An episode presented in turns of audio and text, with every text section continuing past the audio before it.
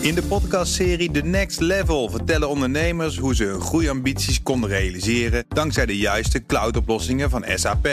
Wat waren de uitdagingen, de oplossingen en hoe ging de uiteindelijke implementatie? Benieuwd naar hun verhalen en hoe zij met behulp van SAP ook hun toekomstige ambities kunnen behalen? Luister de podcast The Next Level via de BNR-app of je favoriete podcast-app. Tech Update.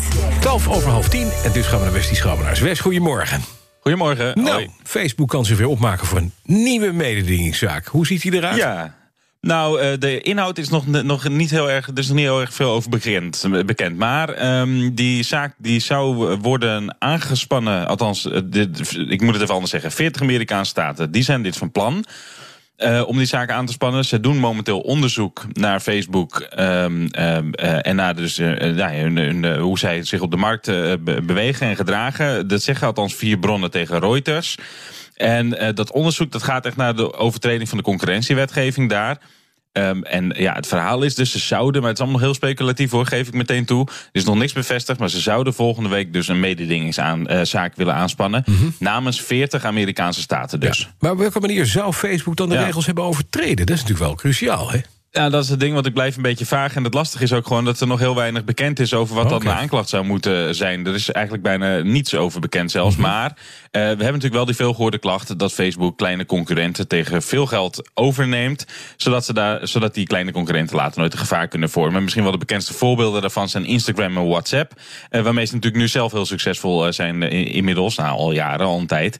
Maar goed, het is nog, nog gissen hoe dit allemaal nou inhoudelijk in elkaar steekt. Het zijn dus vier bronnen die tegen Reuters zeggen dat 40 staten dat van plan zijn. Ehm, maar als dit komt, dan wordt het wel de tweede grote Amerikaanse mededingingszaak tegen een Ja. techreus. Want in oktober sleepte het Amerikaanse ministerie van Justitie natuurlijk Google al voor de, voor de rechter. Omdat het misbruik zou maken van zijn dominante positie en daarmee ook concurrenten zou benadelen. Dan even iets anders. Amazon zou van plan zijn een apparaatje te verkopen... waarmee werkgevers kunnen checken of werknemers wel een mondkapje dragen... of genoeg afstand houden.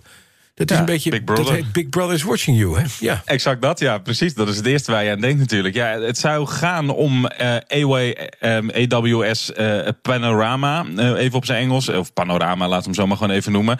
Zo heet het apparaatje. De BBC schrijft erover. Ik kende het eerlijk gezegd niet, maar het is een combinatie van hard en software. Ook met kunstmatige intelligentie.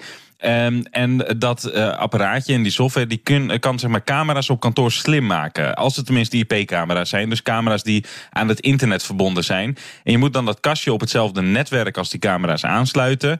Ehm, en daarmee maak je die camera's dus slim. Je maakt ze dus in staat om bijvoorbeeld dan te kunnen herkennen of iemand ja, wel of niet zo'n mondkapje op heeft als dat het eh, beleid is in het bedrijf. ja, precies. Dat is natuurlijk voor, voor mensen die. Hè, we zeiden het al meteen: Big Brother, privacy hoog in het vaandel hebben staan, hè?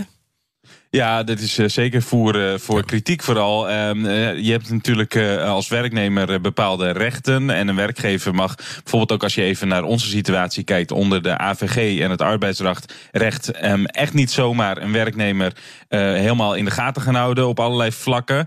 Ehm, dus ja, dit, dit is wel iets waarbij je in ieder geval even je, je, je wenkbrauwen kunt fronsen. Ja. Dit apparaatje eh, wa- was in eerste instantie ook ontworpen om bijvoorbeeld productiefouten te herkennen. Eh, dus ja, je je kan hem natuurlijk van alles leren te herkennen en dan een waarschuwing eh, te laten geven. Maar het kan dus ook op mensen worden toegepast. Ja. Ja, ja en mondkapjes eh, dragen en afstand houden is dan één ding. Maar eh, Amazon suggereert zelf van ja, in de retail kan het ook handig zijn, bijvoorbeeld om te zien hoe lang een wachtrij is voor een kassa of hoe Ja. mensen zich door een winkel Ja, bewegen. dan is het handig. Ala.